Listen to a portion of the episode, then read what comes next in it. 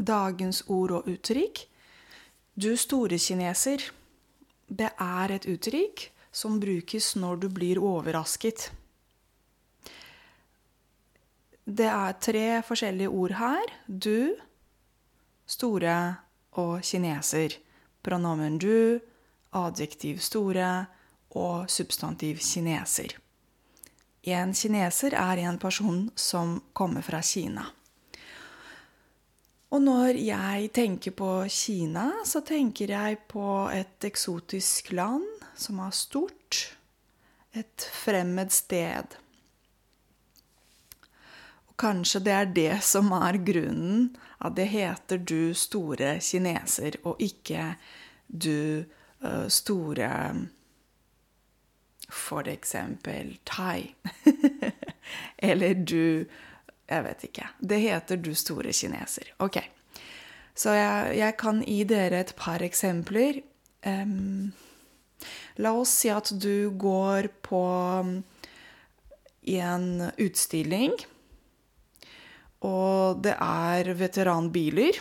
Og så ser du en veldig fin veteranbil, og så sier du du store kineser, har du sett den bilen? Den er så fin. Ok? Da uttrykker du overraskelsen.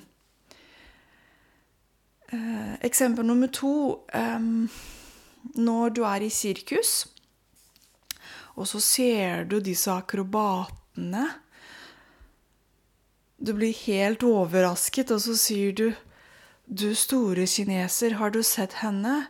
Hun bøyer seg så mye.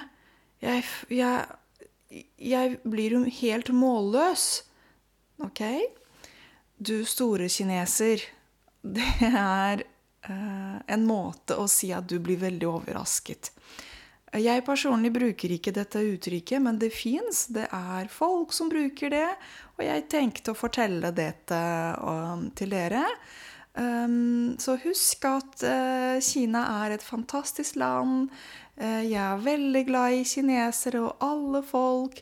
Så dette uttrykket egentlig har ikke så mye med folk uh, fra Kina. ha en fin dag videre. Vi høres i morgen igjen. Ha det!